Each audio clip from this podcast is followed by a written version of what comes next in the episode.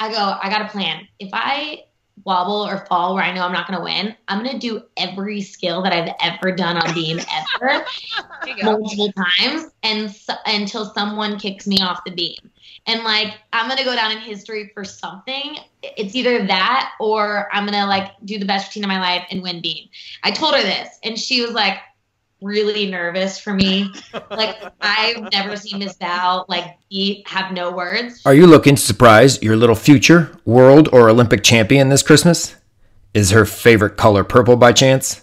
Well, how about purchasing a training bar or balance beam from the Simone Biles home line for this holiday season?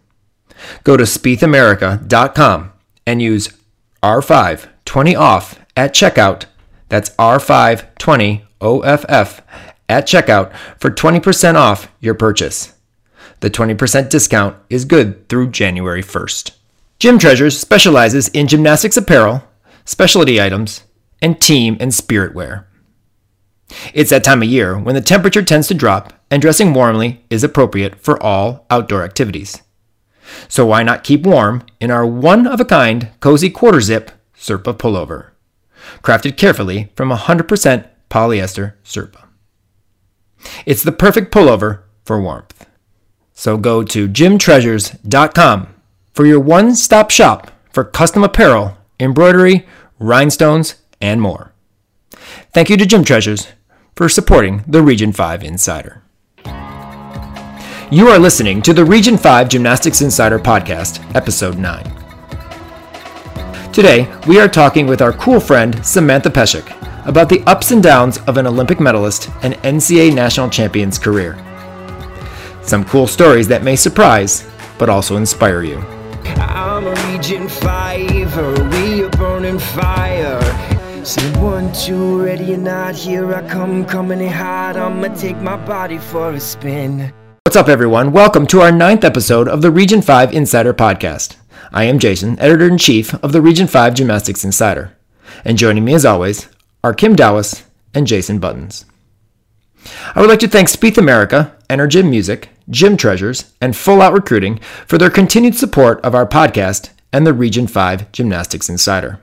Flip Fest! What, what? Yo, everybody, this is John. And this is John. And we're here at Flip Fest Summer Gymnastic Camp. It's a little cold. Yeah, it's December. There's a little ice on the lake. It's a little cold, but you know what that means, John? Summer is approaching. Oh, yeah, and we got a great summer plan. 11 weeks of camp, amazing coaches, amazing special guests like like John McCready. Now, I guess no, I wouldn't. I don't think that's no. We got way better yeah, than that. Wait, there's a lot better people than that. I, I, I wouldn't qualify. But we got some good special guests, some of the latest Olympians, some of the coolest coaches. So check us out, flipfest.com. Don't miss it, FlipFest. What what? Do you want to flip at FlipFest for free this summer? Our FlipFest full set contest is going on, and the contest deadline has been extended to December 29th. We will choose our winner on December 31st. To enter, upload a full routine video to your Instagram or Twitter with the hashtag FlipFestFullSet and tag the Region 5 Gymnastics Insider. Parents, you can enter a video for your child or go above and beyond. Do that level 2 compulsory floor routine for all of us to watch and enjoy. Upload those videos and use FlipFest Full Set for a chance to win. The show notes for this episode can be found on our website at region5gyminsider.com. Make sure you follow us on Facebook, Instagram, Twitter, and YouTube for future podcasts and more gymnastics content from the best region in the country. All our social media links can be found in our show notes. Our guest today is a Region 5 alum who has done it all when it comes to gymnastics. From struggling with fears as a young athlete to competing with one good foot at the Olympic Games, Samantha Peshek had a successful gymnastics career while learning life lessons that have continued to impact her after the sport. Sam was lucky to have a very good support system around her to keep her grounded and focused. A flying spray bottle was involved when we first met, but now I can call her one of my cool friends. Happy to welcome one of our region's best, Samantha Peshek, to the show today. All right, well, uh, Sam, you're, you're a sideline reporter for the Pac 12 network for football this past year, uh, floor reporter, of course, for Pac 12 uh, gymnastics. You have your Balance Beam Boot Camp. You have your I Love, uh, or I Have Cool Friends podcast, which we're going to talk a little bit about. And but beyond all that, I think uh, I know you've been dying to be on the Region Five Insider podcast. So welcome, Sam. Appreciate for you com- coming on today. Thank you for having me. Well, I know you always start your podcast with how your your particular guest and you your relationship started. You know the you know what exactly it was the first time you met or what have you. I was had a question to see if you remembered when the first time we met. I am going to go on a limb here and say probably a Region 5 camp. One of those like super camps or high tech camps or one of one of those. Well, you are correct. It was high tech camp and it was okay. at, it was at Deveau's Gymnastics. And the reason why I remember it, because obviously, you know, you've been to many camps. I don't expect necessarily to remember this one, but the one why I remember it is obviously it was at Deveau's and the way the Deveau's gym is set up you know how your vault goes into the resi or that pit by the bar area? Well, my kid was training or doing vault, and you happened to be working out on bars, and I was sitting by the chalk tray, and you actually threw the water bottle, but it missed the chalk tray and hit me on the back of the head. So I've been scarred for life with your water bottle, and that's how I first met. You're like, "Oh, I'm so sorry," and then that's kind of. I was gonna say, was I trying to hit you? no, I think you were trying to get it in the chalk tray, but uh, it missed. Jason uh, is just always in the way, and that's yes, I'm the problem. I'm always in the way. But yes, definitely uh, the the moment that I remember, and I definitely wanted to make sure, since I know you introduced that with your podcast and on how we uh, how we first. It's a good met. memory. I like that story. um, Sam, we, we want to just kind of start off with just um, you know your your mom was a gymnast.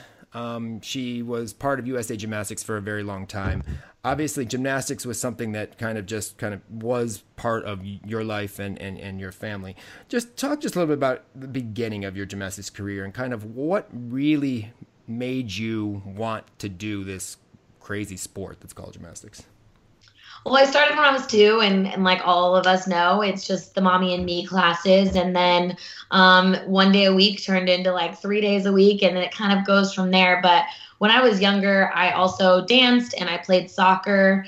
Um, but it comes a point where you kind of have to choose. And I loved playing soccer, but um, when I was goalie, I'd be doing cartwheels um, and I'd miss the ball. And then uh, there was kind of an incident where I I put my foot on the ball and I would like judo chop with with the other girl in the leg with my leg and I, I kind of was spending more time in the penalty box than actually playing the game. And so um, family just decided, like, why don't we stick to the individual sport? Um, and gymnastics was a lot of hours. And I was kind of a crazy kid, like most gymnasts are. And it was a good challenge, and all my friends were there. I just, I loved being in the gym. I think I would cry if my mom wouldn't take me to open gym. I just, I couldn't get enough of the gym. Well, I think uh, that story is very similar to mine as I played baseball for about four years when I was younger. And I think I spent more time doing cartwheels in the outfield because who at a five or six year old gets the ball out to like the midfield? Why there's a person even out there besides me? So, I mean, I just did cartwheels. Some of my parents thought, you know, this is ridiculous. You know, we're paying for something for him to do gymnastics at in baseball, not playing gymnastics. My story was a little bit more the opposite. I my parents pulled me out because they thought I was bad at gymnastics, and I had to get back into it by bribery from my sister they I think the coach actually came up to my parents after a year and like he still can't do a cartwheel. He's probably the worst athlete we have ever had. He needs to do another sport. So I did for like 10 years and started again at 14. But. And, look at, oh. and look at you now. Right? Yes. I have a I have a torn Achilles. Yes. Actually, he could be part of your beam camp, uh, Sam. He does flight series in hotels in the lobbies. Hotel so, lobbies. yes, JO Nationals. He was doing that. It's, it's really whoa, interesting. It's really cool. Whoa! I can't wait to see videos of that. we'll have to post them. Hashtag hashtag uh, uh, Beam Queen Boot Camp. Um, well, I actually, I mean, it's funny you say that because. Um, I was terrified of a round off back handspring. I actually had to repeat level four and level five. Um, and so I would be really upset because all my friends were getting to move up levels and I wasn't. And so I'd come home crying from the gym because I just wanted to be with my friends. And so my parents were kind of trying to like nudge me the soccer route, actually, you know, like, oh, are you sure you don't want to play soccer? I'm like, no, I want to be an Olympic gymnast. And they're like, you can't do a back handspring. Like, okay, okay. But, you know, I feel like my parents did a really good job of teaching me that I could do anything I set my mind to. And even though I'm sure, like, if they bet their life money, I would not be an Olympian at that moment. You know, um, they still told me that I could do anything I set my mind to, and you know, it's it's crazy kind of how it how it all happens. Well, we uh, talked last week or last podcast about uh, mental toughness, and we had uh, Doc Ali on, and I know that you did spend some time uh, with Doc Ali when you were younger. Um, you know, from the standpoint of just, you know, you, you did all the levels. I mean, a lot of elites may skip certain levels, um, you know, jump early, may get into the elite program through the tops and then go through that and never even do the JO program, but you did do the levels. What do you think, first of all, that that taught you uh, in terms of the sport and being able to deal with some of the problems that may occur or difficulties you may have as, as you progressed? I mean, growing up and wanting to to be an Olympian, I didn't know the path, you know. And our gym, it's not, it wasn't like a CGA or a WOGA, like it wasn't, didn't have like legacies of Olympians at all. And so um, I didn't really know that process um, until you get to that world. You don't really, you don't really understand it. And so I was just kind of working hard and doing my best. And I loved competing with a team. And I think I think JO is is great, and I'm so thankful. I mean, some of my favorite years in the sport of gymnastics were going to traveling with my friends and our parents, going to away meets as as level nine or level ten, and getting to go to the beach after, or getting Sundays and pizza parties, and all the things that are really fun that that you enjoy about the sport. Um, and so I think it also teaches you to work with a team. We had a pretty big team when I was a level 10. Um, and so working with different personalities, encouraging each other, I think that really set me up for college gymnastics. And it reminded me of that. When I moved into the elite world, it was hard to go from having a team to training by myself. That was probably one of the hardest things. But I think doing the JO world, um, on top of many other things, that's the one that's shouting at me the most is that you get to train with your team and you get that camaraderie of working in a group setting. Well, I know that um, you know, kids think, oh yeah, she's an Olympian. She was an Olympic gymnast. She, you know, won medals. You know, we get to see her on television. She shouldn't. She didn't struggle. I mean, there's no way that that kid's too good. There's no way she could have issues.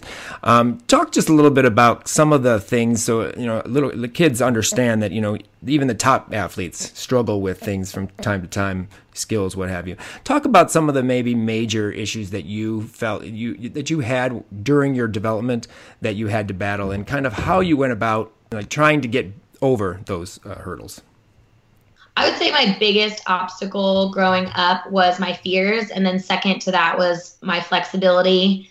Um, but number one was the fears was the thing that that was really holding me back. And our gym used to bring in Olympians. I remember, um, I think it was like Elise Ray and Jamie Dantzscher and Carly Patterson. Like our gym had a lot of Olympians come in and speak to us, and not one person ever talked about having fears. And I mean, maybe they didn't at all, but I always felt like I was alone. No one in my group at the gym ever had fears. I felt like I was the only one in the gym, only one in the entire world that has ever had this severe of a fear before.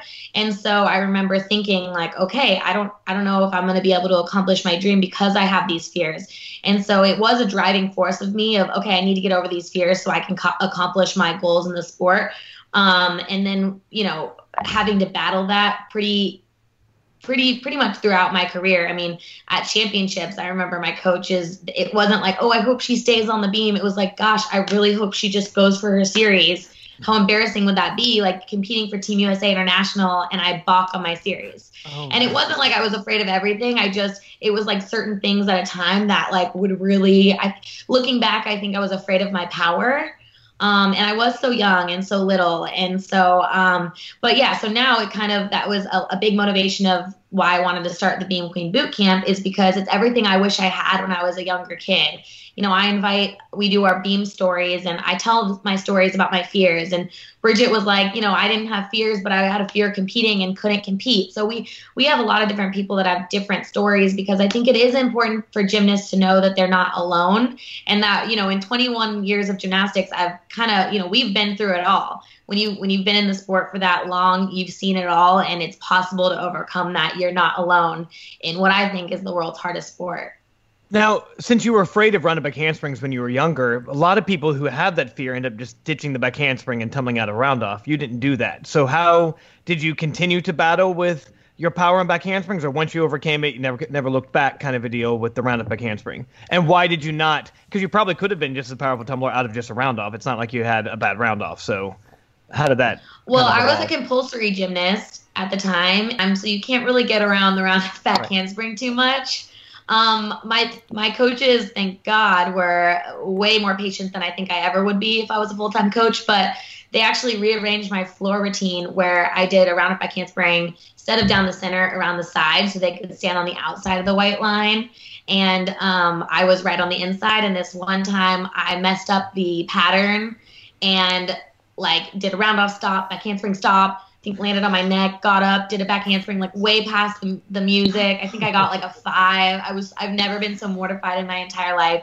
Um, so yeah, I think it took me a full like year and a half to really get over that fear. But once I got over that fear, I was I was done. And for me, I've kind of been always a rational gymnast in a sense where I understood that my dream at the age of five was to go to the Olympics. So A plus B equals C, right? And if if I wanted to be an Olympian, Olympians do round off back handsprings. So at some point, I'm just gonna have to do it and be okay with that. Well, you got a five on floor, um, obviously dealing with an issue. Um, I got a one on pommel horse, and it had nothing to do with an issue. I just sucked at the event, so you know I, I beat you there. And compulsory is I would I think I sat on the horse and just kicked my legs and my butt on the horse the entire time when I was little. One point Oh three, my I think I got at regionals one year. That was exciting. Um, so move moving moving through like the compulsory levels, um, getting into you know early optional and then on to you know the upper level optional of level nine and ten. Um, talk just a little bit about kind of you know how you handled you know moving from some of your fears to kind of evolving into the gymnast that you would become. as terrible as it was to go through that, I really truly believe that uh, it ended up becoming my mind ended up becoming a strength. Um, I remember someone someone asking me like, "What do I attribute my success to as a gymnast?" and and you know the people and the coaches and the support aside, I think the number one thing that attributed to my success was my mental toughness. Um, I think I got to a point where I was the IC competitor. I think I was put on USA teams because I was so solid and um, n- nothing could distract me. I wasn't going to fall in competition. I didn't have the hardest tumbling or the, the hardest, diffi- the most difficulty. I wasn't the most flexible. Like I, I kind of was that all around, just that solid competitor. And I, I knew that that was my role. And I was excited for that. That was what I was used to and what I was excited for. I was a competitor. What do you mean you didn't have the hardest tumbling? You did have some of the hardest tumbling. You're right. Yeah. You had a double double, a double layout. Like Nastia was not doing could- no double double. Yeah, I did. I did have hard tumbling, but I guess the most difficulty all around. Like, you know, Shawn Right. had a full and off beam and a two and a half, and um, so I was kind of, you know, a little bit below her difficulty level. And Nastia had a one and a half. yeah, I was kind of in the middle, like with with all these things. I was I was always the girl that got caught in the the two per country rule, so I just kind of view it as that. Gotcha. Well, well, please, this is a podcast about you, Sam, so you don't have to be humble. Please let us, Oh. you know. Um, well, obviously, you got to you did level ten, um, and you represented Region Five um, at JO Nationals. Um, can you just talk just a little bit about you know what it meant to you and to be you know a member of at the time it was just Region Five. Now we obviously call ourselves the Dream Team, but um, what it was like to compete with you know the five on your chest and, and, and represent the region that you've you know you trained in and been a part of for for many years. Yes, when I got to level 10, I was 11 years old and I had been winning a lot of my competitions. At this point, I didn't really have fears anymore. I was a back handspring series fear still, but I, I would get over that pretty quickly. And then, um, so it was kind of easy for me and fun. I was enjoying it. I remember I did my double Arabian for the first time in competition. I had a double back off beam at 11. Um, and I got to regionals, and I kind of, you know, was a shoe in for nationals. Everyone had was talking, yeah, when you get to nationals, X, Y, and Z. I cast it over on my first event, and I over rotated my double pike dismount on beam, and I missed making the team by 0.025 um, from a girl that I Oh. still remember her name, who told me that she had the best meet of her life, and I had fallen twice. Um, so it still, you know, cuts a little cuts deep, I would say. Um, but I was an alternate, and I still got the stuff, and I still got to travel, but I didn't get to compete, and that was the most torturous moment of my gymnastics career because all I wanted to do was compete and and to perform and do gymnastics and I had to sit back and watch everybody else do what I love and so it kind of lit a fire in that because I I got to see the region 5 cheers but not really be a part of it and I got to you know wear all the stuff but not feel like I earned it in a way and so the next year I was like I am making this team and so um, when I made it to nationals the following year. Um, it was it was kind of like a, definitely accomplishing a big goal of mine. Well, it's interesting that you say that because obviously there we have athletes in, in our region especially that uh, you know score you know mid thirty sevens, have great meets, and stay home. Um, because of how strong our region is. So obviously, you're going to have later on in your career a lot of success. Um, being able to kind of take that nationals where you were an alternate and you sat on the on the sidelines and you participated in the Region Five cheers but weren't competing and and what have you. If you could take us back, what was that like in in the sense of kind of firing you up? Because I mean, like that was your first experience at nationals but it wasn't the experience you really wanted to have being a competitor. How do you think that may have helped you later on, maybe at the Olympic trials at the ranch and, and, and stuff like that, you think? For me, I think it, it, wasn't about beating the other girls, but it was the disappointment in knowing that I didn't do the best that I could do. Um, and that I had done better all year round, and something just, I don't know, it was sometimes you just wake up on the wrong side of the bed, I think, and it just, it's it doesn't click and you're not that same person and so i remember thinking i didn't want this to ever happen again and so doing being more prepared next year mentally in the sense of okay putting myself at the regionals where this is the shot. You don't it it's not a, a, accumulation of all of your meets throughout the season to make it. It's this one moment. And so you know doing more pressure sets in the gym and having your teammates chirp you or you know getting getting your mind right so you can handle any sort of pressure that comes your way. And i think having that pressure of being in such a strong region like region 5 um, at regionals really did prepare me for competitions later on because you know when you get to or college gymnastics, but also Team USA, like you you don't get two shots, you don't get to mess up, you know, and um, you do have more pressure on you when you get to higher levels. So it was a great learning experience for me. What do you mean have your teammates chirp you like birds? Chirp? What? You haven't heard that when your teammates no. chirp you, like doing a routine and the teammates watch you and they're like, "You're gonna fall, you're gonna fall, don't mess up, you have to make this, or else you're gonna, you know, you're not gonna make the team." All so right, we're we're doing you. that tonight. That's awesome.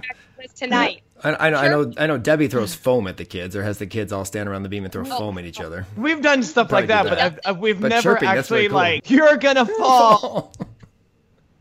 that it must yeah, work. I remember one of my coaches at the time. I was really chatty, and beam kind of was pretty easy for me at this at this time, and I would be like talking during a beam routine, and someone made a comment like, you know, she, you're talking during the beam like you can't talk during and one of my coaches was like honestly if she can talk and be focused on something else and not wobble i don't care. The second she starts like you know wobbling and doing right. that then you know because you are building that muscle memory um, no matter no matter what. So we did a lot of fun stuff on beam growing up. I always appreciated that they switched the assignments up and played beam games and um, we did we did fun things so we have a meet this weekend, and at level ten yesterday, who was doing her routine, and in the middle of the routine, she does her leap pass. She goes, "Was that better? I think it was better." I'm like, "What is going on? Why are you talking to me?" Like she's trying to have a conversation as she's dancing, and uh, she ended up making the routine. So again, if you can stay focused, and right. maybe that helps. If but she had to know right then and there if the leap pass was better. Oh yeah, and it's I mean, Funny. granted, you probably don't want to do that every routine you're practicing. That's right. probably not okay. But every once in a while, it's like you know, I, I believe that kids should be disciplined and they should know but but something like that where the question was like trying to improve herself like it's okay you know yeah. she's she had the good intention going into mm-hmm. it i just kind of find it a little refreshing to know that you didn't no offense that you didn't make nationals your first year i mean it's kind of inspirational for the kids out there that to know that okay she went to the olympics she went to worlds but she didn't make nationals her first year like it's kind of an inspirational story that you know we can share with our athletes that it's like okay look you have this Olympian, but guess what? They mess up too, or they don't. They have bad days too. She didn't make nationals her first year, but she went to the Olympics. So like the sky's kind of the limit, kind of thing. So I really, I enjoyed hearing that. Not you Oh. know, offense, but Thank you. No, no. I mean, I think I'm. I'm. Everything happens for a reason, right? And um, there was only two times in my career that I didn't make a team, and those still like cut me pretty deep. Um, and so even yesterday, I was. I was at CGA, and Mary Lee was introducing me, and she was like, "Yeah, no one thought that I would be the one. You know, out of all the kids, I was always talented, but." I, you know, really wasn't flexible, and I really had crazy fear problems. Like out of all the kids that I was training and growing up with, like I think I was the least likely to one to have made an Olympic team. And so I think it it says a lot about how much the mental capacity plays into the sport, um, and just how mentally tough and and your attitude and intention for the day, you know, and it's something that coaches can't control. You can be there and you can guide them and you can coach them and correct them, but it really does take that inner inner self to want to be doing their best every day and it's tough it's really hard to to give 100% at all times And I think your coaches did a good job kind of getting you to peak. You really 2007 you had a lot more difficulty, a lot more consistency. It was I mean it was kind of fun to watch. You emerge as to yes, you're making that team. Like there's no question. that's kind of cool. Yeah thank you i know I, there was one year where i'm like wait floor used to be my favorite event it was pretty easy and then all of a sudden i had like every pass was upgraded i'm like holy cow like doing the Yeah. sign of the cross before my my floor routine i'm like I, I don't even know what I'm doing. Like I can't not go because if you don't, if you somehow don't go stop in the middle of a double double, like I'm dead. I'm mm-hmm. like, you know, you're walking in front of traffic at this point. Yep. choreogra- her choreography changes. She's crossing herself before her her passes. Yeah, they should have put that in there, honestly.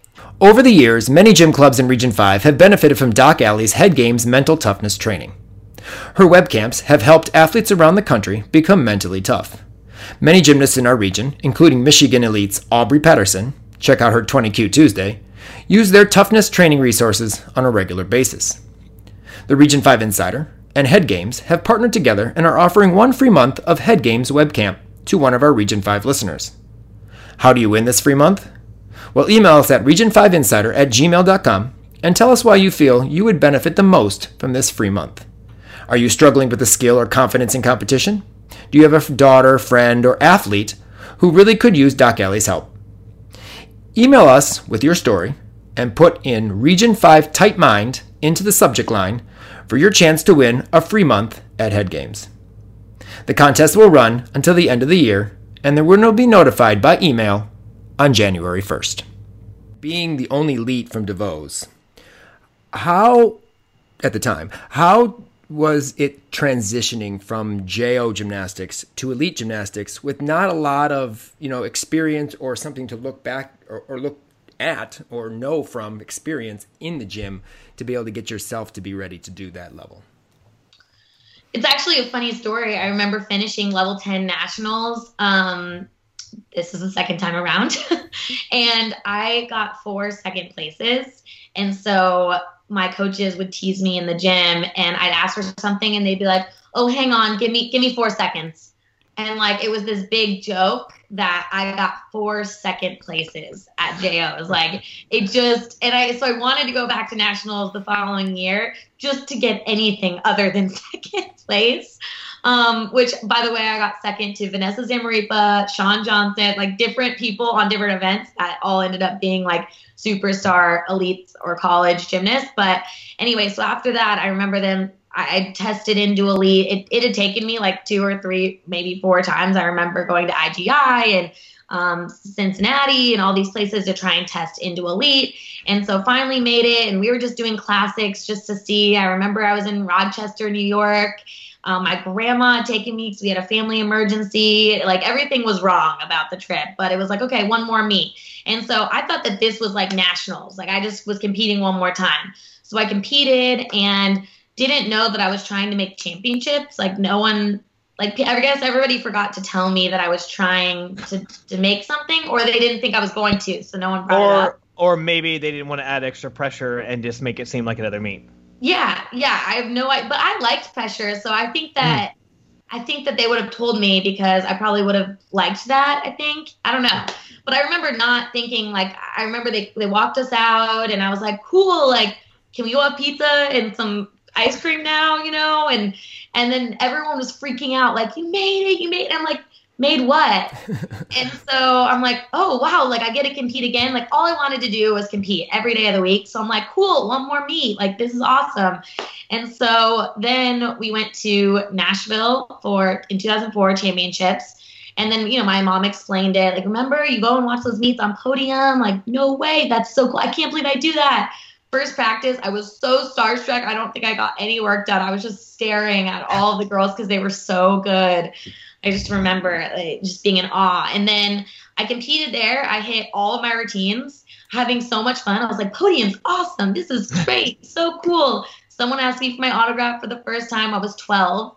And then I got walked onto the floor and they handed me a plaque and everyone was freaking out that I had made national team. I had no idea what that was. I didn't know I was trying to make national team. Um, I just got like this cool jacket and I remember thinking, cool, like my coach is gonna let me off the hook for conditioning. Like he said, we're gonna go to a pizza party when we go home, or like go shopping, or like do something fun. And so that was kind of, I guess I'm lucky in how it happened because I know it's really really tough to make the national team. But for me, it kind of I was so naive to that process that I, I had no idea. Well, you, you make it sound very easy the, the way that you transitioned from level 10 to elite. And. I, know, I know now, obviously, it's it's a little, you know, the, the level of gymnastics now compared to, you know, in 2008, although it was big in 2008. Um, you know, what try to maybe just describe or kind of talk a little bit about kind of that transition from doing level 10 gymnastics to elite because we know it wasn't as easy as you make it sound like because obviously yeah it, it definitely wasn't easy. Um, i was in level 10 doing a lot of upgrades. So in terms of my routines they weren't much different. Um, i do remember like a culture shift from the level 10 world to the elite world. Um, when i was competing at classics we had a practice day. No this is the day of the meet the day of the meet, I was warming up for my bar routine, and you know, it was just my coach and I, and we're in a group with all these other coaches and athletes, and I I had taken one turn, and I was in line to go again, and the girls would be like, "Oh, my coach said I need to go. Can I go?" Yeah, sure, go ahead. So that happened enough where I only got that one warm up turn. That was it. I got one touch after that, and my coach has never been so mad at me. He was like, why did you let everybody go? And I'm like, well, they asked, they said their coach told them to. And it was like right then it hit me that like, no, you gotta fight for your spot. And if you want me to turn, you gotta like stand your ground and say, no, I'm next. And, you know, I was a little 12 year old coming from this Region 5 group where everyone is so warm and like, oh, yeah, you need one more turn, go ahead. Like, I feel mm-hmm. good, you know, and it's kind of this like, dog eat dog world was that was my first like well I just first I didn't of, get warm up that day because I let everybody go in front of me. Not everyone in let tell you. Never not everyone in Region 5 is that nice and kind. I remember the first time I rotated with a certain gym in Michigan at 910 regionals and while they were warming up, they literally would take two minute turns. They would not get off the bar. If they fell, they'd swing back up. And seriously, I was watching and I'm like, what is going on? And then our kid would go up and just do a bail timer. And then that was it. I'm like, um, no. We apparently have to maximize this and be greedy. So not everyone is like, oh, take another turn. Like you have to. It's you're competing. It's your time. You have to take it. Back on the note of uh, um, competing elite. When was the transition when Peter came to help coach you, and how was that? You know a, a, change from Tom or Don or I'm not sure who was there at the time when you were training you know level 10 but um, kind of what was the difference? And you say culture kind of the change in the, the philosophy and the way you you you trained because I know you have mentioned that you and Shawn were trained very very similar due to the, the Chinese style. He came when I was maybe level 8 I did one or two meets level eight and then went nine. So maybe at level seven he came, and that was I think when he saw we had a really good group of tops kids that Don all you know brought us up, and we were competitive and we were feisty. And if someone were cheating, we would call each other out, and we would we would oh you're doing three extra, I'm gonna do four extra, you know. And so we just had that drive and that work ethic to be competitive. Like if someone got a new skill, everybody in the group would have it by the next day, no matter what, because we were that competitive. And I remember Don saying the day that I got my giant, he was like, it was so ugly. he was like, it hurt him to, to like congratulate me, but he was like, you were so excited to get your giant over the bar that I had to be excited for you. But he's like, I think to this day it was the ugliest giant I have ever seen in my entire life. Um, and so they did such a good job about keeping it fun. We played games all the time, all the time, and and you know we would get our work done, but like we we just had fun. We had such a good time. I loved like hanging out with everybody in the gym. And then Peter came, and he was kind of the one that was like, "All right, we we gotta have some sort of form here. we gotta like." You you gotta clean yourself up. Like we gotta you know if, if you want to do this that and the other. And so he kind of brought that discipline i think that we were lacking. Um, and so it was a good mix between those personalities because don was still really fun and and brought that energy. And then peter was kind of the one that was like a little bit more disciplined. Um, he came and was super strict and there was a few instances that happened where everyone started complaining to the gym owner and she kind of had to tell him like listen that's not the culture of our gym. You can either you know do it this way or not um, but we we don't do that here. And so uh, he kind of adjusted and yes he was still strict but kind of learned to bring out that fun side of him to keep him like light and cool. And when I used to go to the national team camp, everyone was like, "Oh, Peter's the nicest," and he is great. Let me tell you, I, I got very lucky in the coach department. But he had his moments also, you know. He, we all didn't get that good by him being like relaxed and free, but he got us to work really, really hard, and so I, I appreciate that from him.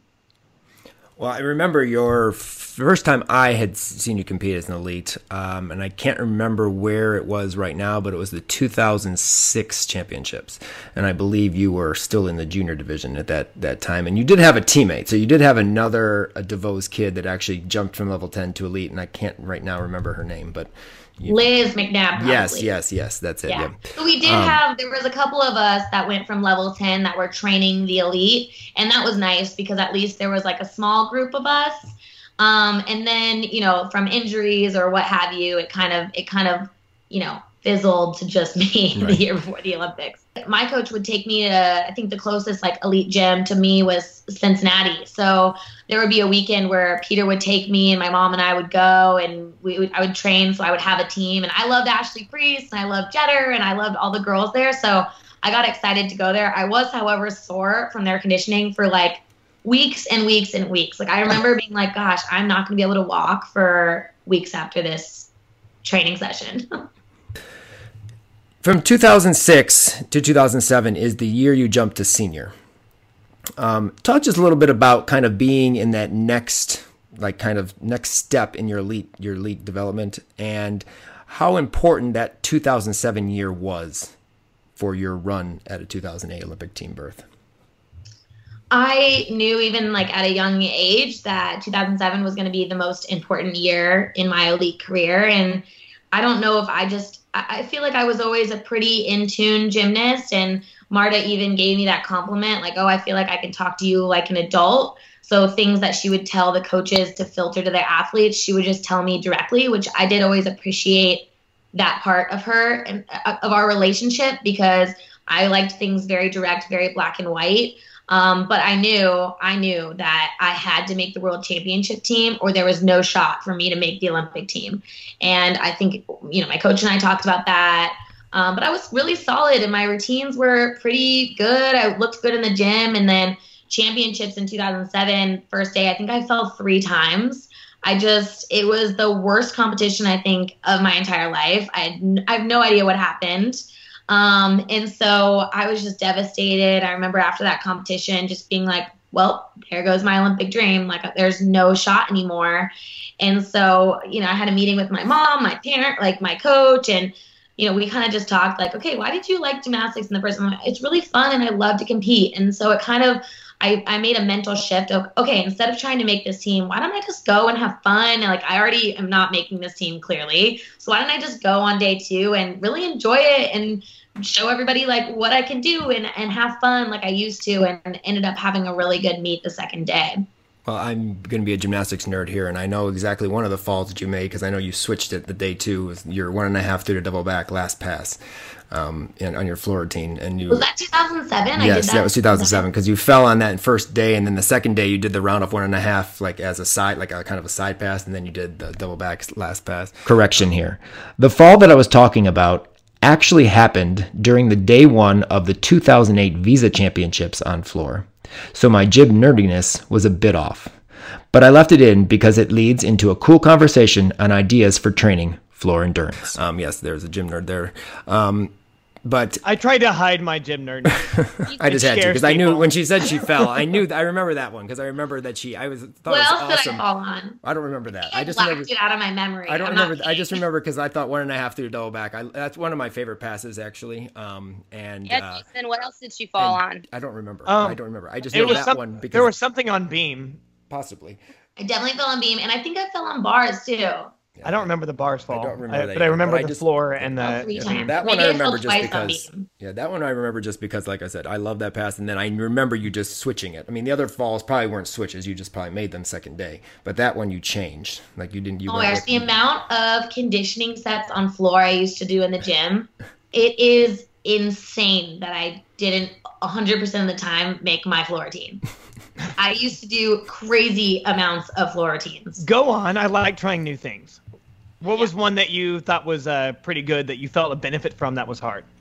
Um, I used to do like a routine, and I wouldn't do all my tumbling passes on hard ground. And Mhm. Peter was really good about saving my body in that way. Um, but I would do a routine, and then right after they would stack two eight inchers, and then I'd do a double uphill double pike routine right after my routine. So yes, that's great. uphill double pike routine. Then I put weights on and do an uphill layout routine, and then a sprint routine. So it's like four routines in a row that Oh, You were told- like I couldn't. I would I would be done with my last one and be like, like I couldn't walk to grab a drink. Like I was so. It was. That's- Wow. so yesterday have nightmares. Like we did a- before, I'm like, a oh. Full set on the floor and then immediate double sprint routine, but I didn't think double pike uphill and then a layout and then a double sprint routine. That's that's nice. Double pikes uphill are good. I've never, well, other than me tearing my Achilles, I've never fallen on a double back ever in my life. I think because it, I, Hmm. you I just know where you are. Yeah. So- Speaking, can we derail to talk about Achilles recoveries? Um, so I tore mine in July, um, doing a round off back handspring embarrassingly. So I did double layouts like 30 minutes before that, but then tore it on my back handspring. How long did it take before you felt like you had calf strength in your in your torn leg? Do you remember? Ugh, a long time. Um, even when I was running, I was like, wow. Or even when I started tumbling, I, it was kind of crossing my fingers. Like, I hope, I hope it's not gonna tear. Like, you just Right. don't know. But it's more of the fear than the actual possibility Yeah. of that happening. But I just remember being it being the least painful, but the longest, most annoying road. Yeah, well, just because I, I feel like I can run normal speed and I can still tumble and it feels kind of the same, but like my single leg toe rise is still terrible. Like it's not Oh yeah, I, I mean it's leg. been three years for me, and I think I probably still couldn't do even. That my my calf's still smaller. Mm. That didn't make me feel better. Sorry. yeah. you weren't positively motivated. I have a goal of doing a double layout off tumble track. I don't know on why. Christmas Eve. Why we, Because we it, still it'll be know six we have no months from the tear, and I want to How about, Get it back. how about, like go a year from the tear? nope six months. Six months. All right. Okay, tangent. Well, good luck with that. Can somebody film that for us? yes, we Uh, have to. of course, I'm going to film it. Okay, good. I'm just checking. All right, so 2007 in Stuttgart, if I'm not, uh, if I remember correctly, obviously was a great uh, performance from all of you. First world team title, you're part of that um, experience, and and and got to uh, be part of that team, which for the most part would end up being the 2008 Olympic team. You know, overall, obviously you can say that was an exciting time for you. But what did you learn most at Worlds about yourself and being able to deal with that pressure as you had talked about, you know, being having more fun? What did the World Championship experience do in terms of boosting your confidence? Well, because I messed up championships day one so bad, I got put on an alternate spot um, for that world championship team. And so they didn't name that I was on the team until the day before Worlds. So I had about a, a month of being on thin ice um, every single workout. So the amount of pressure that I felt at every single workout until the actual competition was astronomical because it was very much made known to me that if I wanted to be put on this team, I had to not have one bad day from now until the meet. And so, um, even when we got to World Championships, my coach couldn't be in the uh, training halls since I was an alternate. So I had other coaches, I had, you know, and so just learning that and, and dealing with that sort of pressure behind the scenes was uh, a lot for me because I knew that um, there was a chance that I could still be kept as an alternate, and I didn't want that. I wanted to earn my place on the team. Well, it was your first big international meet. You had different international competitions. It wasn't the first time you competed internationally, but obviously the big, large competition. Um, you said you were an alternate, moved into the team, pushing Bridget Sloan, actually from the former teammate, into the alternate spot at that team. Um, She's out of there. Yeah, but you know, just looking back on that competition, and you said you know you had to be you know you had to be on to make the team and and and do what you do to, to achieve that goal of competing. But looking back what what really resonates from that competition from your performance and what did you learn about yourself as an athlete at that competition? It was my first time training overseas for for that long, I would say. Um, and so just understanding how to get yourself up and on each and every day and I really um, credit that to our team chemistry and dynamic. I think that our team chemistry at that particular competition was the best at any other competition in my elite career specifically.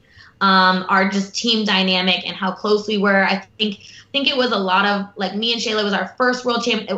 Shawn, most of us, it was our first world championship. So we were just every day was new and exciting. And we were looking forward to the meet. We came in knowing we were going to win. It was that attitude that we had as a team that we had each other's backs that it was, you know, we were, we had aches and pangs, but no one had like crazy injuries that we were battling with. Like it was a relatively easy and fun. Like I remember Shayla and I were roommates and we used to stay up like laughing and joking. Like it was a sleepover to us like with a friend, like at a friend's house, you know, and knowing like, oh shoot, we got to go to bed because we have to do hard stuff tomorrow, and just like just so much fun. We were just little kids.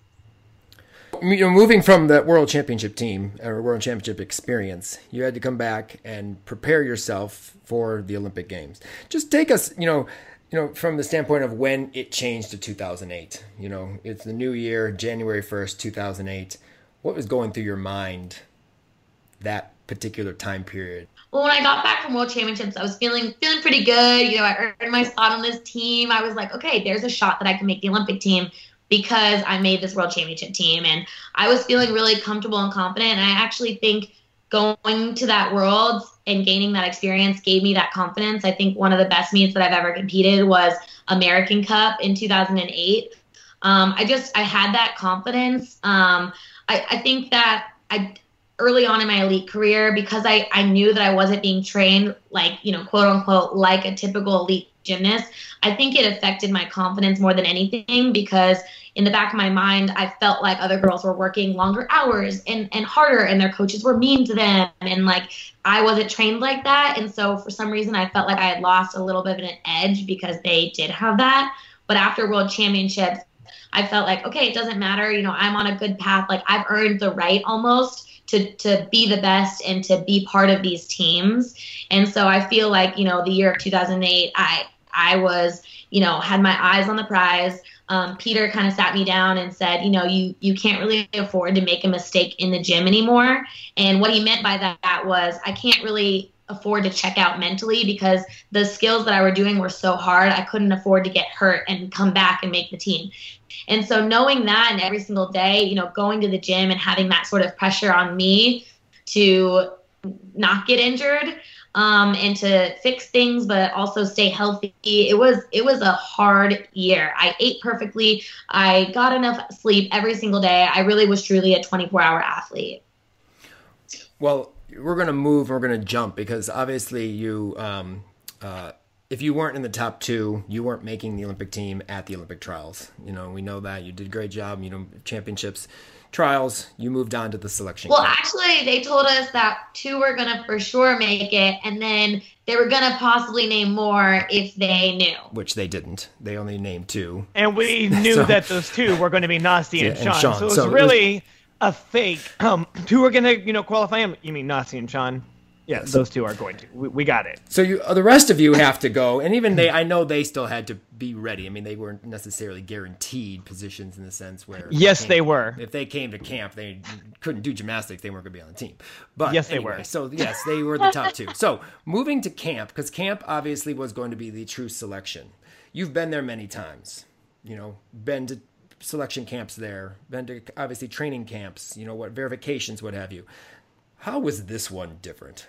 Oh god, it was terrible. It was awful. you should not have to room with girls that you're like competing. Usually you go back to the rooms, everyone's laughing and joking and you know watching YouTube things and being silly. Like we went back to the room and it was like awkward because everyone was like like tomorrow we'll know who's going to make this Olympic team and who's not and um it it was just really like you could cut the tension with a knife. It was really terrible. And ironically i was super solid and consistent had no problems doing my routines at home after trials. Like everything was pretty dialed for me. And for two days of training before the meet at the ranch i could not make a routine to save my life. I think peter was like freaking out. I was like oh god what's going on? Like i just woke up and didn't know how to do anything. Like it was crazy. I'd, I'd never done that before in my life. And i remember the day of the meet um, marta came up to me and like grabbed the back of my neck and she's like you've been working your whole entire life for these. Like don't screw it up. And it actually like was water like cold water splashed on my face because on one hand like that's really scary of her to say but on the other hand she was right. Like i was so prepared and i'd been working my whole entire life. Like i just needed to do what i knew i could do. And so i knew like after she said that there was no way that i was going to come off the equipment. And ironically i had to follow Jana Bieger both days, and both days she had to fall on bars. So I had to follow follow a fall both days on bars, which is just I feel like that's very me too. Of course, Sam like has to follow the injury or the the fall or whatever. Marta chirped at you. Yeah, Chirped but I was prepared. Like I I handled it. I You like the chirping. from from that standpoint of dealing with that pressure how much easier do you feel what the lead up for the olympics was after having to go through that particular preparation and trials aspect of the of the, of the qualification of the olympics It was good. I mean, each there was just so much pressure that summer, and there were so many meets that at that point it was like you kind of knew who could handle the pressure and who couldn't. And so I, I mean, in my personal opinion, it was just too long of a process. Like as you can see from our team, like we just didn't make it. Like our bodies, you can't do that many hard tumbling and hard ground landings and and be fresh.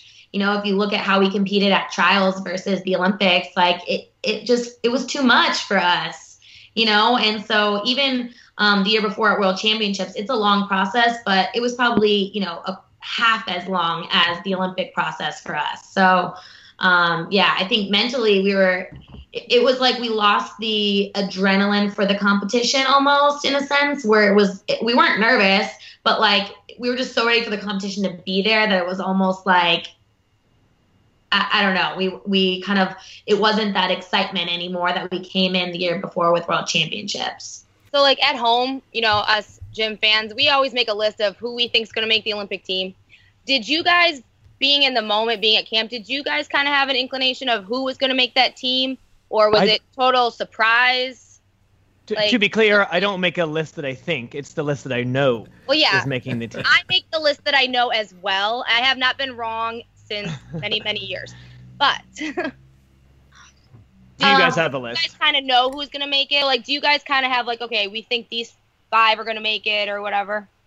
Yeah, we actually knew we we were going to make the team, and we, that's why we were so mad that they didn't name us to the team at trials because we knew the six, and we knew that they only were were the question mark was that seventh spot, but they they couldn't name six people to a team and have only one. Like it just that didn't it wouldn't make sense for everybody else, you know? Like, oh, everybody's just fighting for that one spot. That would be really just strange. But they couldn't name like Chelsea and Alicia and not me, you know, when I was in the mix, Chelsea, Alicia, and I were kind of in the same boat where they knew they were going to put us on the team, but they kind of needed that cushion because it'd be weird if they left one spot open. Mm-hmm. And so all of us kind of were just wondering, like, okay, it's either going to be Evie, Jana, or um, Bridget, obviously.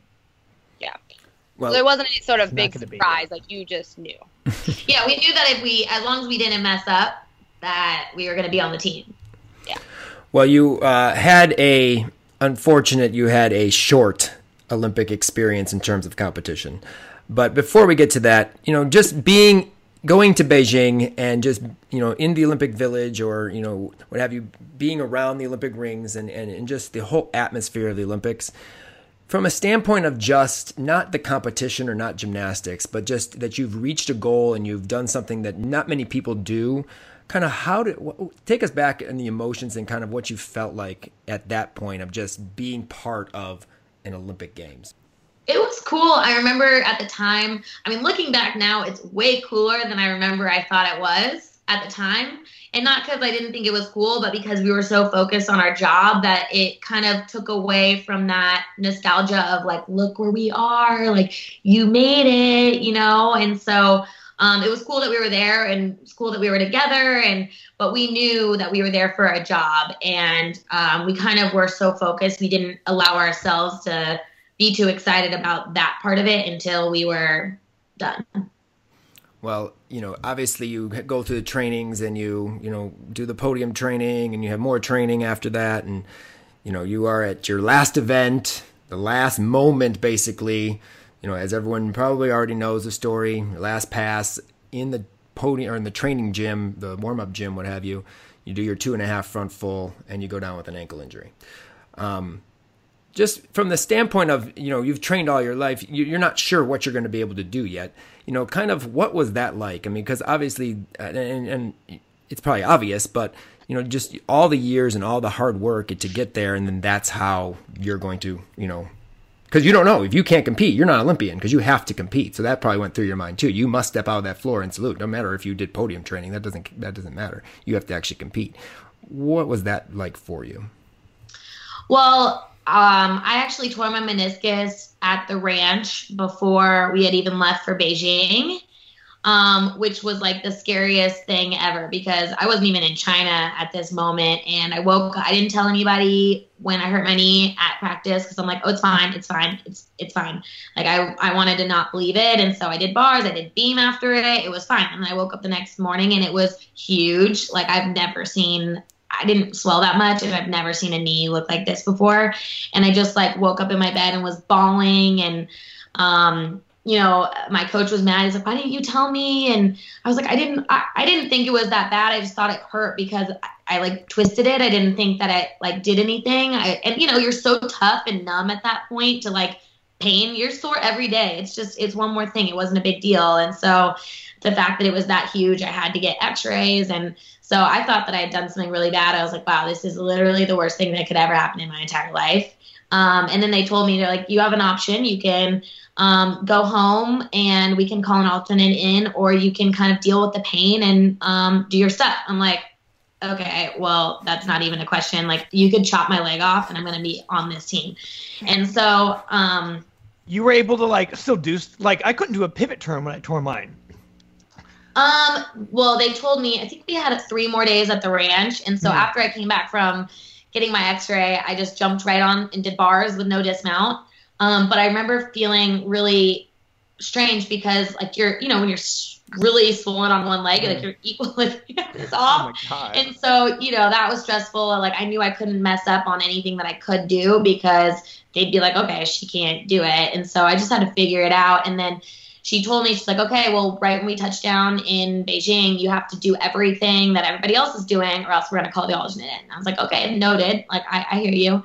And so um, we got the swelling down, but, you know, a long trip to China, it was, I just remember being on the plane, like everyone else was sleeping. I think I wrote in my journal, like, I don't know if I'm going to be on this team still. Like, I've made it, but not really. And my knee is huge and just like praying to God, like, oh my God, please let me be able to compete. So then after when the ankle thing happened, it was just kind of like, ugh, like, are you kidding me? And I thought it was going to be fine. And I think I would have been able to compete had I had more time for the, um, the shot to kick in, but it was literally five minutes before he walked out, and I couldn't even, you know, put pressure on it. It was so bad, and so anyway, it was just, you know, at that moment I was like, okay, well, we gotta we gotta handle it. I'm really calm in situations like that. Um, I don't feel like I'm a calm person in general, but when something that like tragic happens, I feel like I get really calm.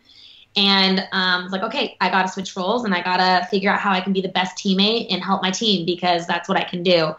And so I begged Marta to let me vault and do beam, and she kind of told me, she's like, no, I need you to go first on bars. I need you to hit your bar team. Like, do you think you can make your bar team? I'm like, yeah. She's and she like just stared at me and she's like, no, really, you need to hit your bar team. I was like, Captain, yep, I got it. Like, I'm not gonna follow my bar team. So yeah, that was kind of a, a, stressful time, I would say. Well, you have that moment because obviously, you know, you have to march out and compete, as we said, to be uh, considered an Olympian through the IOC. Bars was your third event. So you know you you got sat out, watched them do floor, watched them do vault. You know you're you're still not you've still not touched the Olympic equipment in terms of the competition. Kind of what was going through your mind, or kind of, I know you're probably into the meet, but getting ready and kind of thinking about, hey, I got to do a bar routine, and I haven't landed on it since I heard it. You know what was kind of going through your process there too, and as you're trying to cheer on your team and and and you know you know be a good teammate honestly the pain was like so far out of my mind. Like if if i could have if my ankle would have let me push through the floor like it doesn't matter how painful it would have been i would have done it. It's like my ankle wouldn't work. And that's why i was so frustrated because i'm like gosh i don't i could deal with any amount of pain right now but it just it wouldn't push. And so um, i wasn't nervous about my bar routine. I knew i could make my bar routine in my sleep. Um, yeah it was a lot it was more pressure because i only had one event. So i just I had one job instead of four jobs. And so um, there was just a little bit more pressure for me to hit that routine. But I knew I could hit that routine, no problem. It was just I was more nervous about the the like the swelling and how it like throws you off again. But again, with my knee, I kind of had practice with that. So I was like, okay, well, here we go. We're just, you know, there's no option to come off the bar. Like there's literally not another option. And then I always have a coach stand there for my bail um, always. Like that was a thing. And mid routine, Valeri just forgot.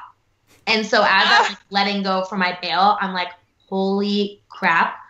Like no one's there. And I'm like, well, geez. Like and after the after I made it, he was like, sorry about that. I'm like You had one job, Valeri. One, one well, it's job. the Olympics, I guess he I was like right? speaking out too because he was so nervous about for me and like, you know, I feel like I I credit all the coaches for being so great when we travel internationally. And I think everybody liked Peter, so everyone was great to me, I think. Um, but, you know, Valeri always pulled me aside and had a good pep talk with me or the coaches, you know, and congratulating me. And it was very heartfelt. So, yeah, so it was it was nothing nothing like that. He just really forgot because you know Peter's standing there during the practice and then he can't be there at the meet. So anyway, it was just a roller coaster of emotions all the way through. What did that dismount feel like when you landed it? Um, I was I was mad that I didn't stick it, but it was it was I don't I don't even remember. Like it wasn't painful. It was just like a thank God I made this routine. well, you obviously hit your routine and you have reached your goal because you competed. So now you're an Olympian. No one can take that away from you. You have competed at the Olympic Games, but you now go into a role especially on day two on on the team final as a guys at cheerleader, kind of that alternate role you did at JO Nationals your first year, you know, because you weren't going to be able to compete um, from the standpoint of, you know, the, they only had three up, three count. Obviously, Chelsea, Nastia, and Shawn went up on bars. Um, kind of just from the standpoint of just being in that that that you know competition, but not being able to compete in what you worked so hard for. How different was that for you? Um, yeah, it was difficult, I guess, but it wasn't like I didn't really think about that at all. It was, I know my number one priority was to help the team and to do whatever the team needed of me. Um, and so I kind of just probably put my own emo- emotions under the rug at that point because um, it was my job to help Team USA and, you know, what could I do to, to, you know, help this team and probably me moping around about it and things were not helpful. So, um, yeah, I mean, I guess I was disappointed and I, I wanted to be there, obviously, but I was at that point, so much had happened that I was just thankful to A, be on the team and be in China after my knee and then, you know, have competed and made my bar routine. And so there were so many things that I was thankful for, I would say. How about in terms of just just life experience, kind of what that whole experience, being at the Olympics and and dealing with the foot injury and the knee injury prior to that, and being able to compete, kind of what that has done for you as a person in, in just your normal life, and just what you've been able to deal with challenge wise post the Olympic Games. Yeah, I think if you go through those experiences, I think that you can probably handle anything. I mean, you know how tough the sport of gymnastics is, whether you're a level 10 or whether you're an elite or whether you're at the Olympic Games, you know? And so, um, kind of being on that the biggest stage and and being so young and having to deal with you know social media and people you know, reaching out to Alicia and I and saying all these things and, you know, coming back and, and being a junior in high school and dealing with high school friends and drama and boys and just like all of that in a couple years. Like it was a lot to deal with. Um, but looking back, I, I, definitely think it made me stronger as a person. And I, I really think I can handle anything life throws at me now. It's not a challenge, uh, just saying, but knock on wood. Well, I'm going to throw out a little plug here um, for uh, those of you who don't haven't listened to any of her "I Have Cool Friends" podcasts. You definitely have to go listen to them because she does. The last ones have sat down with every single one of her teammates and they've talked about the experience from their side, their point of view, and they're all really, really cool. Um, so definitely check out her "I Have uh, Cool Friends" podcast and and listen into her Olympic teammates talk Though about. I- talk Though about I am their concerned, stories. I mean, I feel like I'm one of your cool friends. You've taught at our camp twice, so I'm just n- not sure why you haven't reached out, really. Um, We're just not cool enough. We don't make that list yet. Okay, I, I need to set, set the record straight because so many of my friends in LA or other gym friends have like been really offended that I haven't had them on. So you you aren't only a cool friend if you're on the podcast. Like I have way more cool friends that aren't on the podcast. But those are just some of my cool. Like I have so many cool friends that those are only, uh, you know, a small They're- percentage. they're the coolest. The friends. coolest of your cool friends. I didn't even say that. That's not the podcast. But I I mean, Region Five Insider is Well, pretty cool. if, if you look at it, she hasn't had enough weeks yet to have all her cool friends on. She's still got more time, hopefully. that Okay, she's gonna I'll, do I'll it. keep waiting. I'll keep waiting. The title isn't "These are my cool friends." These are my only cool friends. It says I have cool friends. And she'll continue to have there, cool like, friends all on. around. But anyway, yes, please go ahead and check those out because they're definitely great. I've, I've listened to every single one and I and from Yeah. start to finish, and I think they're awesome. They just give it give it give it definitely a, a feel for from the perspective of both of them from their relationship within the the Olympics or the training or whatever um, on each of her Olympic teammates. So check those out. what made you decide? You did 2009 nationals. What made you decide to not continue down elite and go to college? So I, you know, having the Olympic experience I did, I was like, oh, I'm coming back. I need to do, you know, go to the Olympics again. And because during training, I mean, I felt so confident and solid on beam. I knew I could medal on beam for sure.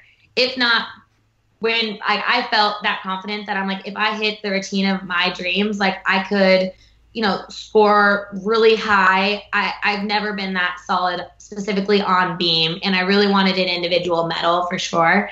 Um, and so I wanted to come back to elite and you know win some individual world championships medals and you know do more of that being an older gymnast. But when I came back, obviously I had to get my meniscus repaired. Um, my coach uh, went to China to take over a family business, so I had to switch coaches, and my options were kind of Bridget's gym or going to train with Chow. Um, if I was probably putting my gymnastics career first, I probably should have gone to train with Chow because he trained Shawn the same way that Peter trained me. So he knew how I trained. Um, Bridget's training was completely the opposite, like completely the opposite. I went there and I actually started getting so many new skills on bars. It was insane. Like I learned so many new skills. Um, and so, but then um, I tore my split my labrum in half and had to have shoulder surgery and three anchors. And so then it was like, okay, I could train um, even though I had a split labrum, but I just couldn't do bars. And I wasn't going to be put on the world championship team for bars anyway. So it was like, okay, why don't we train three events? You can just make worlds on three events.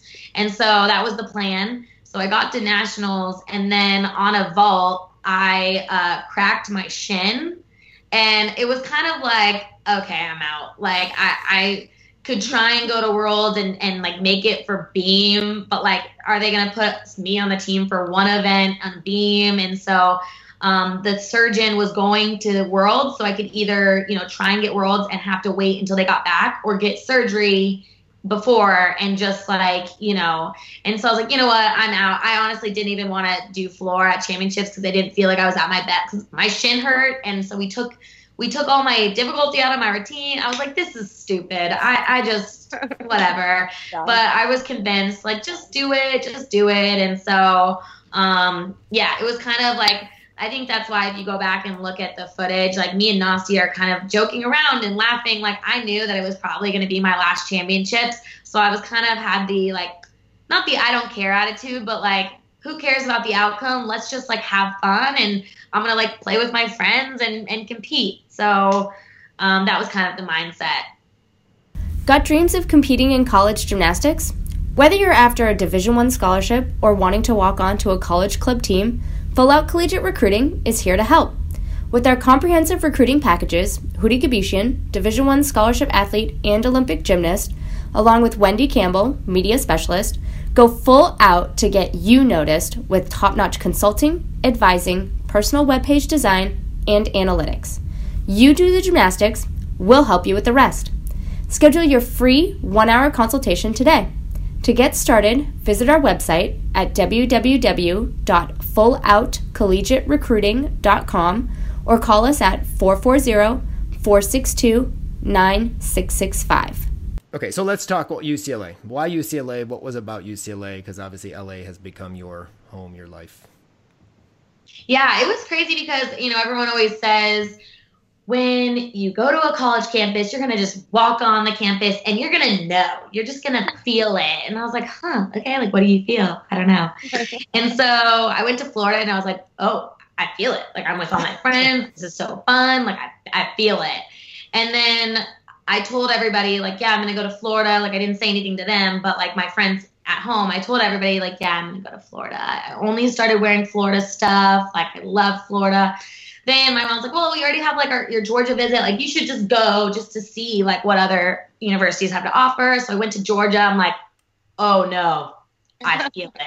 Like this is home. Like I got along with all the girls. Like this is great. Only started wearing Georgia stuff. I was all I was a bulldog or a gym dog or whatever dog they are. And then um and then and then I was like, yeah, I'm like I'm sold. Like I'm gonna go to Georgia. My mom, like, again, was like, you have one more visit. Like, why don't you just go? Like, and I've never been to LA. So I'm like, great, yes. Like, I still want to go. I went, and it wasn't as much like quote unquote fun. But when I got back, I was like, okay, I love that too. Like I have no, I loved LA. Like I loved Miss Val. I love. I didn't have as many friends on the team at the time, so like I think that's why the visit wasn't as fun. But when I sat down and thought about why I was wanting to do college gymnastics to set me up for life after school, I'm like, it's the perfect balance between athletics and academics. I went to a pretty academic high school, and so I wanted to be pushed academically. Um, and they made it very apparent that school was going to be the number one priority behind gymnastics, and I liked that. I wanted that that sort of balance and that you know uh, John Wooden mentality well you're in media journalism career now basically with you know lots of different uh, endeavors that you do. In hindsight looking back was that the, one of the reasons you went to ucla because obviously with the opportunities in hollywood and stuff like that was that in your mind or did you have other plans in terms of being of a major going into school? Yeah i kind of i want i went into school wanting to be an ophthalmologist. So um, completely different. yeah yeah very different. And then one day i woke up and i was like nope I want to own like hotel chains. Like I would call my dad every week, being like, guys, this is what I'm doing this week. And my parents were so great still. They're like, great, yes, okay, like let me know. I, I had logos for my hotel. Like I was all in. Um, I think if I, yeah. And so no, I didn't know what I wanted to do. But the year I tore my Achilles, I was like, okay, how am I going to stay? I was interested in sports broadcasting, but I wasn't. I didn't know that that was I loved other sports too. So I just kind of asked if I could start my own show, Bruin Banter there, and um, interview the girls so I could still stay connected to the team, but you know, further my career. And that's kind of how Bruin Banter started, and and the whole dream of becoming a sports broadcaster. I would say. Well, I definitely like Bruin Banter, and I actually I know remember messaged you and said uh, that when you first had your first episode, and I said that is just awesome. I, I, it's cool because you're the first to do it. Like you were the first, I think, if I'm not mistaken, like a collegiate athlete almost kind of doing something like you know now everyone has their youtube channels and stuff like that but doing something that you know kind of gave us an inside look to the team from the perspective of the athlete and the athletes. And i thought it was really cool and i and i think that uh, it's been continued and peng peng did a great job last year. I thought that was you know they did a great job um, with it. But um, we're gonna we're gonna take your ucla career which was five years and we're gonna put it into three different sections or three things that are major that happened during your career. Let's talk about your freshman year, and it was in Cleveland at NCAA's. Um, I know that because we had regionals there that year, and I was still working with Flow Gymnastique at the time, so I got to help uh, do finals. That's the only day I could see or be able to do and you were in the beam final. And you and during obviously during the season your balance beam routine for you was rather watered down from the, what you used to do in elite. So it was pretty easy for you. I know you did flip up layout full dismount but you decide that you're going to go big in, in the finals and you're going to throw in your standing full which obviously in, in elite you did it probably the most consistent of any of them. You just it was like almost like a back handspring for you what was that like for you going in there, being your first final in the NCAA's as a freshman and just throwing a full and then ultimately being the beam national champion? Well, I mean, if anyone knows me now, I love college gymnastics probably, if not more than anybody else out there. And I couldn't imagine my life without having done college gymnastics. Um, however, my freshman year, I didn't have a bad attitude in the gym at all. I liked going to the gym. I loved training with friends. It was fun. I just thought that it was kind of stupid. To be honest, I was like, the competitions are kind of stupid. The skills are really easy. Like they're judging on handstands, like and all these things that I'm like, I just think that's kind of stupid. Like, why aren't people doing hard stuff? And like I just I didn't get it. I didn't I wasn't immersed enough in the culture to understand how great and cool it was my freshman year. I was just kind of everything is new and, and you know I had that elite mentality going into college where I just was like wasn't allowing myself to have fun. I was trying to be really strict. I'm like, why are you like laughing? Like I was a really fun level 10 and then I I learned that elite mentality and it was really hard for me to bring that fun side of my gymnastics back to college. And so the whole year I just like didn't get it. I'm like, I just think it's kind of silly.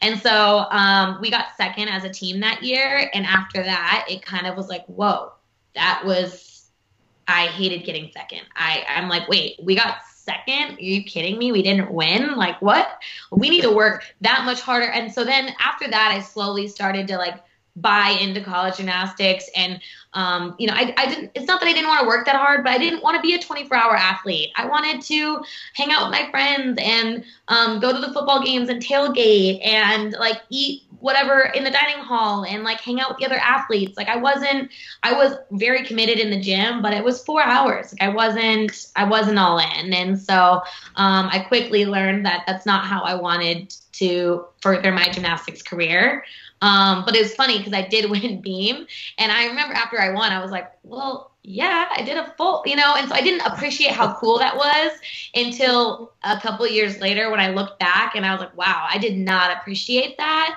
um, at all. So it, it, it's kind of sad uh, looking back, but I think it did kind of I came full circle and I can understand both sides of it when girls come in and they don't really understand the college mentality yet. Well, you're you had a sophomore year, you were an All American again, but what happened your junior year, I think, impacted you as you had said, and maybe changed your direction that you were you were headed in your career path and what have you. You tore your Achilles, but you tore your Achilles prior to season starting. I really, you know, after getting second and then getting third, I was just I was so annoyed at this point. I'm like, okay, well, let's like let me stop giving, you know, 80% or whatever let, let me like really work on my diet and work on like my fitness and like get back to the gymnast that i know i can be. Um, and so then i you know tore my achilles. The i actually was heading to vegas that day. My suitcases are at the gym for my 21st birthday um, some of the girls from the team were coming. My friends from home were already there, and I was really excited to do Vegas for a couple days. And then the last five minutes, we were doing a mock meet. I was last up. My last pass just fell on my face on a double pike and looked down, and I tore my Achilles. And so um, that was the moment where I was like, all right, do I just want to like be done with the sport and focus on life after it and just, you know, move on? Or am I going to like give 110%? Because I'm not going to come back and it's not fun when you don't give it your all. I was I was really realizing that it, it wasn't as much fun, and so I decided, okay, I'm gonna like do research and figure out how every aspect of my life can be can help me be a better gymnast to get to that place where like I knew I could be a great competitor and I knew I could be a positive impact for the team and a leader and all those things that I knew I could be. Was it the same ankle actually? I did want to ask that question. Was it the same ankle as, as the Olympics? Or was it the um, you had to look. Did you just yeah, check? I, yeah, I just checked. I'm just curious um, yeah, if it was the same. It was. It was all all my injuries have been on the right side. Okay, so Did you know it? I know when I tore mine, I knew in the rebound like that it had happened. Like I, th- like there was no question. I didn't think I heard it. I knew that I tore it. Did you feel it, or did you were not sure and kind Um, of just? It sounded like when I punched, I was like, "Dang, I I must have done a really long back handspring because I thought I caught the edge of the floor." And then mid-air, I was thinking about where I put my hands on the floor, and I and right as I landed on my face, I was like, "Oh, no, I was I was far back. Like there's no way." And then I looked down. I I saw Miss Val walking towards me because her eyes, and I'd never fell on double pikes. Like I mentioned, that was the easiest skill I've ever done, double pike in my sleep. And so she thought I was being lazy, maybe, or just like didn't set. I don't know, but I could tell her walking towards me, and she was kind of mad. And then I looked down and I looked up and I go, "Don't freak out, anybody!" But I just tore my Achilles. And then everyone kind of freaked out after that. And my trainer came up and she was like, try and move your foot. And I love Larita. She's probably one of like my second mom when I was at school. And I was like, Larita, I just told you. I was like annoyed that she, I was like, I just told you I tore my Achilles. Like I can't move it, obviously. And so, and I didn't cry or get emotional until they told me that I couldn't go to Vegas. And then I was bawling. I was like, we got upgraded.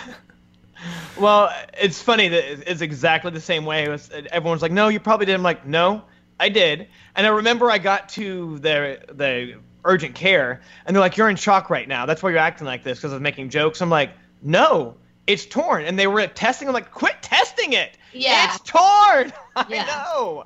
It didn't hurt Uh. me at all. It just was like limp, and then I had to take a red eye home that night, and like on the flight, it just felt like a really bad calf cramp that wouldn't go away. Like it was annoying, but it wasn't like pain, like dying and excruciating pain.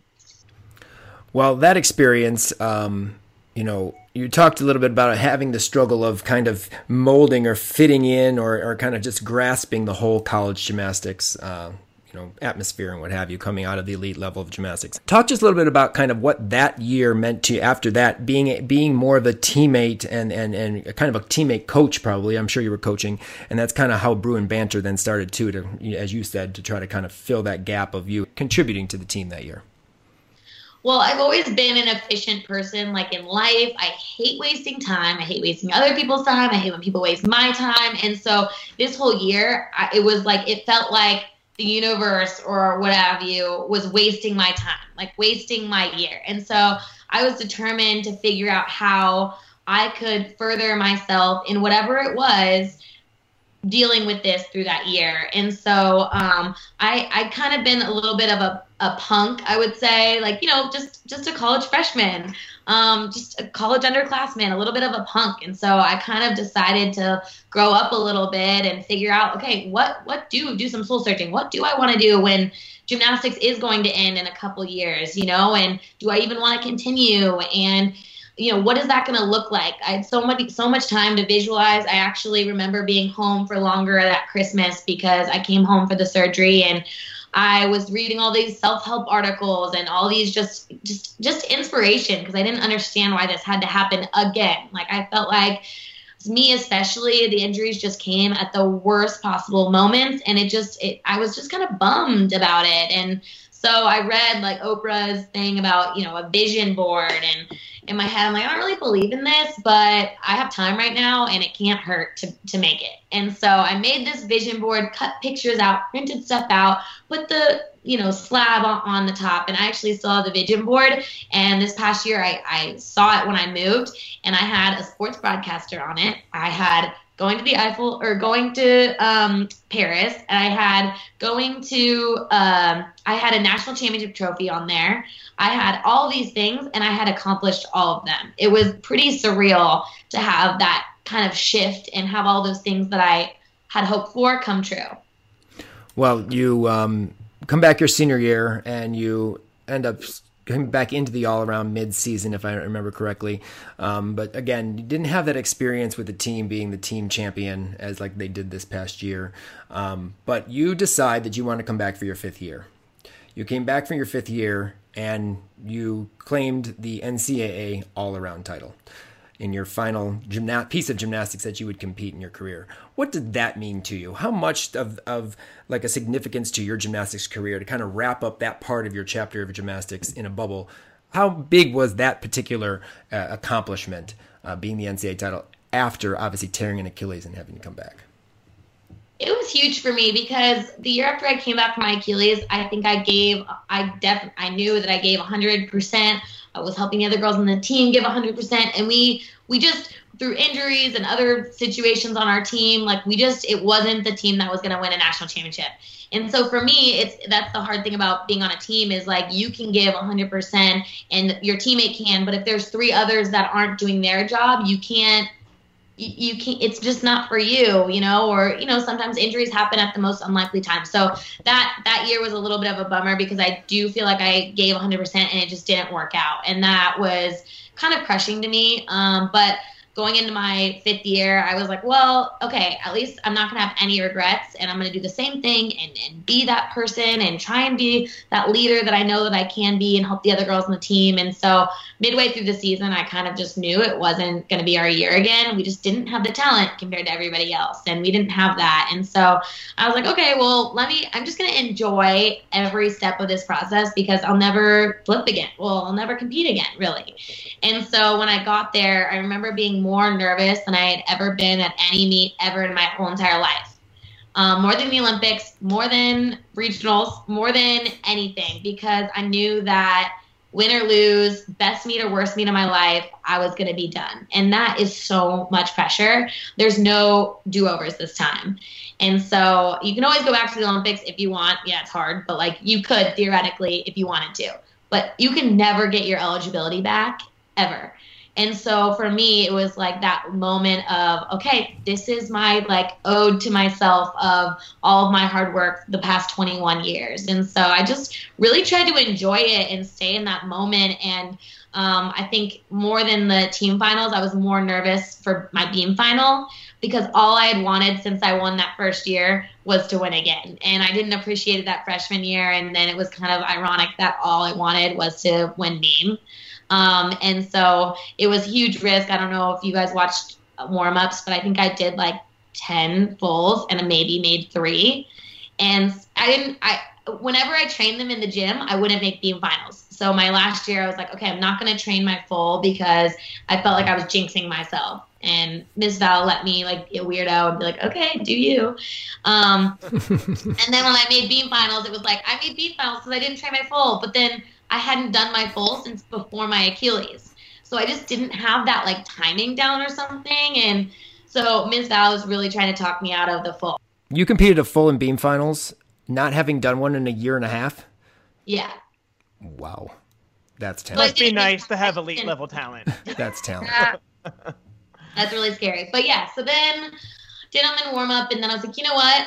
I go, I got a plan. If I wobble or fall where I know I'm not going to win, I'm going to do every skill that I've ever done on beam ever multiple times and so, until someone kicks me off the beam. And like I'm going to go down in history for something. It's either that or I'm going to like do the best routine of my life and win beam. I told her this and she was like really nervous for me. like I've never seen Miss Val like be have no words. She had no words. She's like okay, I'm gonna let you know Dom hang out with you. Like she was so she like didn't know what to say because I was very much like I'm gonna win this or I'm gonna be this like insane person on beam. And so um right before I went, I was like, all right, here we go. Like I got into that mentality. I was like, I got this. I'm just pretending like I'm at championships and it's the easiest skill in my routine. And it was the best full that I think I've ever done in my life. And I just remember standing there and I did this like head nod and it was like that was like yes to me. Like I was like, yes. Like I couldn't cheer on the beam, but it was like a that was the, what the head nod was for. Like I was so proud that I did it because I didn't think I could do it. I, um, I wish you would have fallen on it, and we could have had the renegade beam routine on YouTube. That would be more important to me. I think that would have been amazing. I thank God to myself that that didn't have to happen. But in the whole rest of the routine, I was like, shoot, I, I wasn't expecting to make it. Honestly, that I was like, okay, I gotta like stay in the moment. And like if I wobble on a full turn and don't win beam because of this stupid full turn or something stupid, I was like, I just have to do, get off the beam at this point. So that's why like I started wobbling on a pose and I was like, nope, I'm just gonna move on, move on. Who cares? I just need to get off the beam. And so that was kind of like the mentality of my beam routine. Like I wanted to hang out up there and smile, and then I was like, nope, I made the full. I gotta get off. Well, uh, definitely we'll link to that routine because uh, obviously that's pretty pretty cool story um, to see. But uh, Recycle Tiger on Instagram um, asked a question and says, "If you could pick one moment of your career to relive, which would it be and why?" Hmm. To relive, like do it again, like yes, have that relive feeling. it. Yep, do it again. Okay. Um. Well, I feel like there's a couple, but World Championships when we won as a team, that was really really special. Um, and then probably uh, college gymnastics as a whole. I just I loved it so much, and I think I, I didn't appreciate. Sometimes when you're in it, you don't appreciate how cool it is and how great it is until you're out of it. And so, um, just just that whole experience experience and so thankful that I got together and got to live college gymnastics to its full potential. And then that last beam routine, like if I had to pick an individual thing, uh, my last beam routine for sure. I think that's one of the sad things about gymnastics is that so much of it is done through your childhood, and so you don't really appreciate it to to later in life. And I know since I started gymnastics so late, most of my gymnastics and my competing has been an adult. So I do you you have that full appreciation, but pretty much like 22 and younger, you need that hindsight. And so that's just a lot of other sports. Your best moments happen as an adult, and you do you don't have that hindsight effect. And that's the only thing as as we as we coach younger kids um, is helping them to really appreciate it in that time. And that, that's difficult when you're a kid that you kind of only see the here and now, and you don't always see the past and the future as clearly as an adult would. Yeah, and and Pat Warren used to tell me like when I would get up so upset and afraid of my series, she'd be like, "Sam, it's not a big deal. Like it gymnastics isn't everything. It's not." And I remember thinking, "Yes, it is. Why does she keep saying that?" And so it's it's funny that like sometimes I have those thoughts when girls get really upset at our beam queen boot camps when I want to say I don't say that to them because I knew how crushing it was when someone told me that, but it was funny because I finally understood what she was talking about. Like tennis and certain sports, you can play forever. Like gymnastics like you you have it's maybe a quarter of your life and then you have the whole rest of your life to do anything else you want. And so um yeah it's it's kind of funny. I want to know, Sam, what it was like working with Miss Val, especially during um, floor routine choreography. oh man she's like a choreographical genius. We did not get along when she choreographed my routines at all. Um yeah it was in the gym. She, we were so opposite. I like love gymnastics because of the athleticism and the competitive part of gymnastics. She loves gymnastics because of like the beauty and the grace and the performance quality. Like certain times i'd be like yeah but like we didn't win so Mhm. wow like you know and so we would kind of bump heads in that regard. I definitely was way more of a mindset like chris waller. We got along way better in the gym. And then i mean val did help my life in so many ways in terms of her being like a life coach. Um but yeah choreography she would say things like okay like yeah do this and then what does your body feel like it should do next? And i'm like I, I don't know it doesn't have a feeling so she would get really frustrated with me that like i wasn't helpful to choreograph for or with, you know? And so she would have to like take breaks. She's like, all right, I'm going to go get a water. So then she started having other people come in and they'd be like, okay, try this, try this. And, you know, I would do it. But I just, I was not a choreographer. I didn't feel like I should, my body should do the next move. I don't know. So Did you um, ever it was always like a big to do every year when it was like, oh God, doing Sam's floor routine. And we never got along with music choices. Did you ever kind of pretend like you couldn't do a move uh, because you didn't want to do it, and so you acted like you couldn't learn it? Yeah, totally. And then she knew that I was doing that and got so mad. She'd be like, I'd be like, no, that's stupid. And she'd be like, just try it. And be like, make a weird face doing it. She's like, oh, like just play along. And like, I wasn't, I wasn't very good at playing along. So she had to bring in other choreographers to like help get my routine right. Well, I, I really liked your burlesque floor routine that you did one year, so that one was good. Yeah. That was one of my favorite. I actually like going back. I wish I could have done like a creepy. I, I liked the persona, and I want I, every year I wanted the same persona. But I think if I went back, I think every year I would have a different persona. Like I liked the rocker year. I think I'd want to do like a creepy one. I don't know. Was, was there ever any discussion of you doing a legacy routine, or did you not want to have that? No, but every year I got two floor routines. There would be the first one, and then I was too like scared to tell her I didn't like it, and then I would do it bad, and everyone would be like, "Why are you doing it bad?" I'm like, "I just don't like it," and they're like, "Just tell her." And so then it got became a thing that like every year I got two routines because I would wait until like the month before to be like, "I really hate it." Energy and Music is floor music that rocks. This is our 15th season. Did you know all our music is legal and licensed? That means we don't cut music, we create music. At Energy Music, we are dedicated to great customer service and creating floor music that rocks.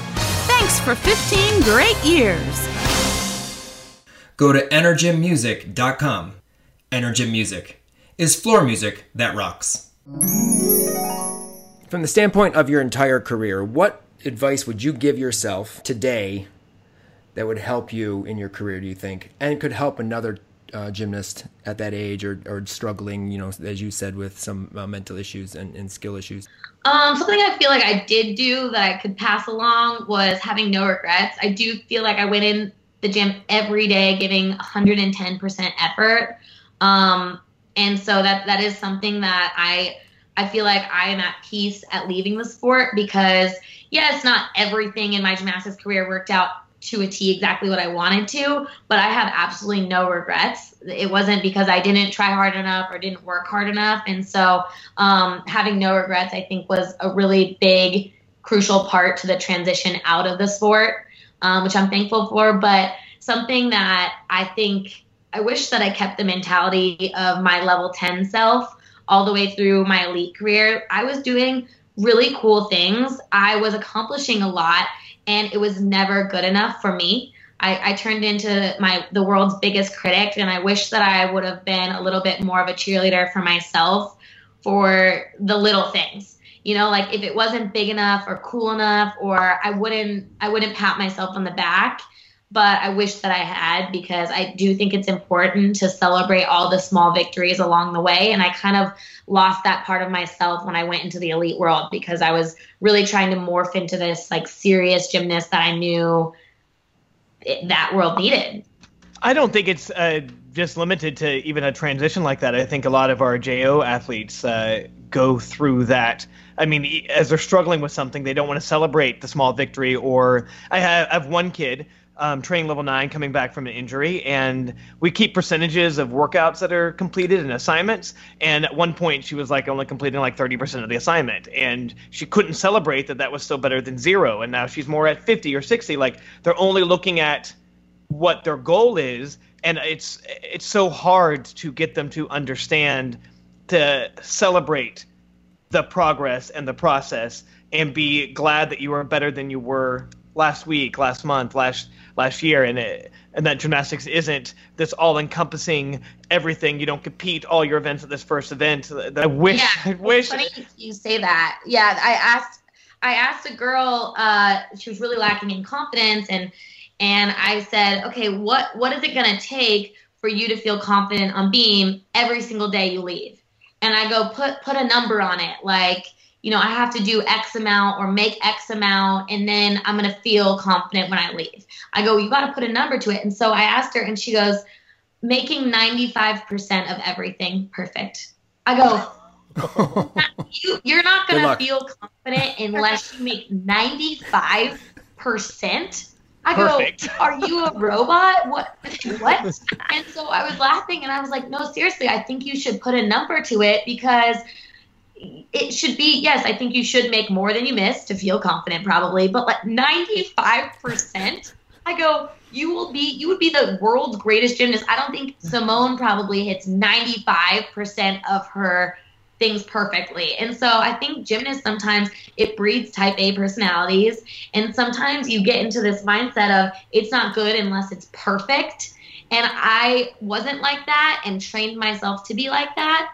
And it, it really carried over to my first couple years in college, where I actually started crying one day as a freshman because Chris Waller told me something was good and I felt like I had a slight knee bend. So I started crying because I thought that he was wasn't letting me live up to my potential. And like it was this funny moment moment we look back on, but I got so wrapped up that it wasn't exactly perfect that I couldn't even celebrate that it was a new skill and that I was trying something new. And so I just that's definitely something I try and pass along to the younger gymnasts. Like you, you gotta you gotta feel confident in yourself no matter what, just in the effort level. I think it's too it's hard for them to separate um, their, frust- their the wasted emotion of frustration like there is nothing to benefit from it. It doesn't help anything. You can't change the past. You can only focus on how you deal with it, and that's I, I, again any suggestions on getting through to a kid to understand that concept to always look forward and not dwell on what they didn't do, but what they hope to or will do.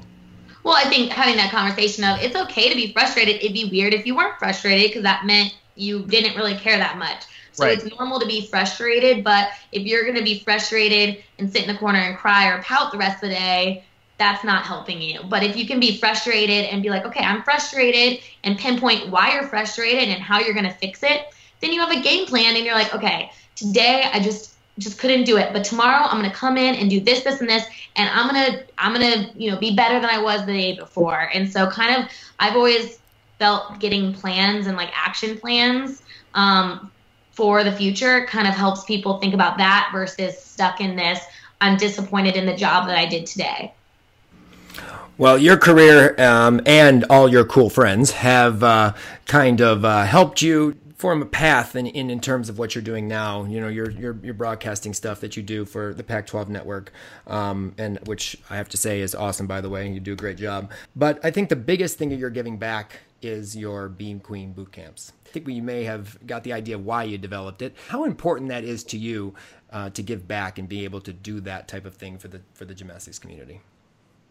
Well, it's funny because when I graduated, I really wanted to transition out of the sport completely. I was I was so thankful for my college career, but I almost wanted to just, you know, Irish exit in a way where I was just doing something completely I needed a break, you know, from all of the gymnastics everything in gymnastics. And then went through that summer. I knew I wanted to do sports broadcasting at the time, but I only wanted to do football or other sports. And um, it was kind of my in to do gymnastics, obviously. So I'm like, okay, like that would be easy for me. I'd, I'd look forward to that. And then, you know, it being pursuing sports broadcasting is like a struggling, um, struggling actor's life, you know, where you don't make very much money. Like I couldn't live my life if I did that three months out of the year. So I was like, okay, I'm gonna do summer camps. And I did so many summer camps that summer I graduated that I felt like I was gonna take years off my life. After I was like, I need to not travel two days here, two days there, like stay in cabin. Like I couldn't I couldn't eat camp food anymore. I just and and so I was thinking about it on a plane. I get all my best ideas on airplanes. Made a pros and cons list. I'm like, there's so much that I like. I love helping the kids on Beam. But the, the bad thing at camps is I don't feel like I have enough time to make a difference with them.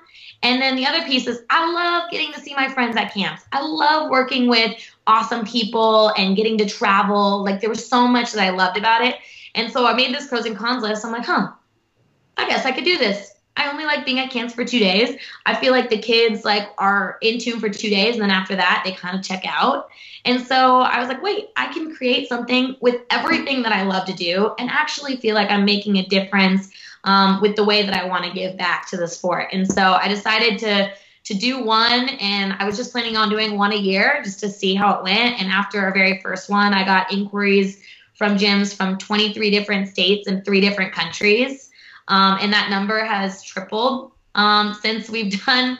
Uh, so last year was technically year zero. We ended up doing four last year. And then um, this year we started up the summer. It was my first full year of doing boot camps. We just finished our last one this week. We did 12 total starting in Alaska and ending in New Jersey. So it has been quite the uh, endeavor this year. I think you've done so many camps that you forgot that you even came to our gym the first time. So many camps. Well, it just it just feels like just all the years mushed together. I forget years. I forget when I oh, went. Oh, I forget, but I remember all the camps that I've been to. So don't worry. well, before we uh, have you give uh, our listeners some information if they are interested in uh, having you in their gym for uh, for a boot camp. Um, from over the course of the last you know year and a half that you've done this year or so, give us a couple examples of maybe the most impactful part for you over the course of the last year. Well, the underlying theme of the boot camp is confidence. Even though we're working on beam, I think confidence is the number one component to be a great beam worker. Um, and so just that attitude and the way you approach it and like what is what is confidence and um, what does that look like and what does confidence feel like and um, you know how do you keep it is kind of the the winning question where which i think is impossible. Not everybody is 100% confident 100% of the time but there's tools and resources to get you in that confident place when you need to be. And so um, it's really fulfilling more fulfilling than i ever thought could be possible getting emails from parents and just keeping us updated. I know someone reached out and said, you know, my daughter got first, but more important than the place was that she felt really confident and it was no longer a nemesis and she didn't look at it in that, you know, ooh, scared we're going to beam. It's she's excited to go to beam. And so hearing those emails of of the way we're impacting gymnasts is everything that I have dreamed about doing with the sport and really felt like I could contribute because I really went from hating it to loving it. And so I thought about, you know, how did I get into that place and how did I mentally make that shift? And so I also have a curriculum. So, uh, like, it's called the triple threat. And if someone's going to wobble or fall, they're probably not doing one of three things. And so if people can get those, get that into their head, um, they will be a stronger beam worker, no doubt. Well, if a gym or athlete listening to us, a coach listening to us, would like to uh, have you in their gym, I know right now is probably not the apple time, but May past you know competition season, are interested in having a Beam Queen boot camp in their gym. How do they get in touch with you, and what do they do? They can email beamqueenbootcamp at gmail.com um, or any of our uh, social media links. We are getting our website put together. So hopefully, uh, early in the new year, we will be able to launch our website where everyone can, you know, submit things that way and learn more about it. Well, we wish you a lot of luck with that because I think it's really, really cool. Uh, maybe we can have you in our gym at some point. Um, but the last question for you is how Region Five has impacted you the most in your in your in your gymnastics career and in your in your personal life. Oh, Region Five was definitely the, the foundation, I would say, of of me as a gymnast because I looked forward to all those super camps and high tech camps and getting to meet friends and know them when they went to college and, and that sort of com- camaraderie between not only not only the athletes but the coaches.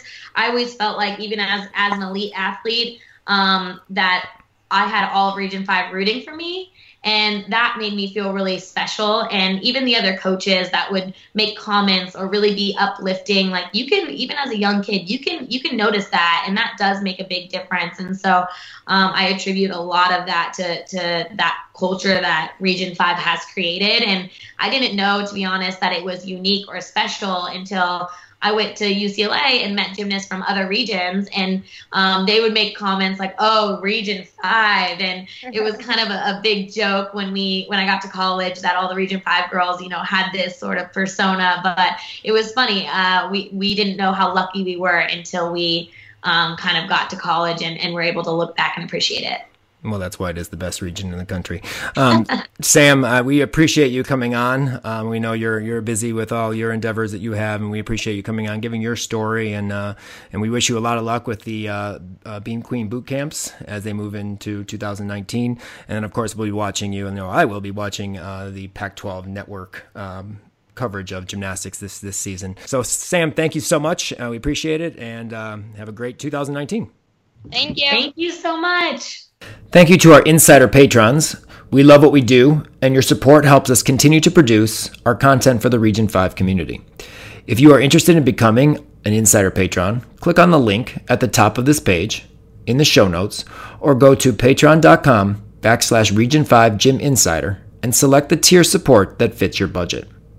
Also, we will begin our countdown of the best videos of 2018, along with our annual OMG Not So Great Moments from this past season. If you have any comments, questions, etc., please feel free to email us at region5insider at gmail.com or leave us a voice message on Skype at Region 5 Insider Podcast. Thanks again to all our sponsors, followers, and subscribers. Remember to send us those full sets for FlipFest videos or email us with your head game story for a chance to win. Follow us on all our social media accounts for up to date information on what's going on in Region 5. Thanks for joining us. Happy holidays. We'll talk to you in 2019. Until next time, we are. Region 5, we are burning fire. One, two, ready or not, here I come, coming in hot. I'ma take my body for a spin.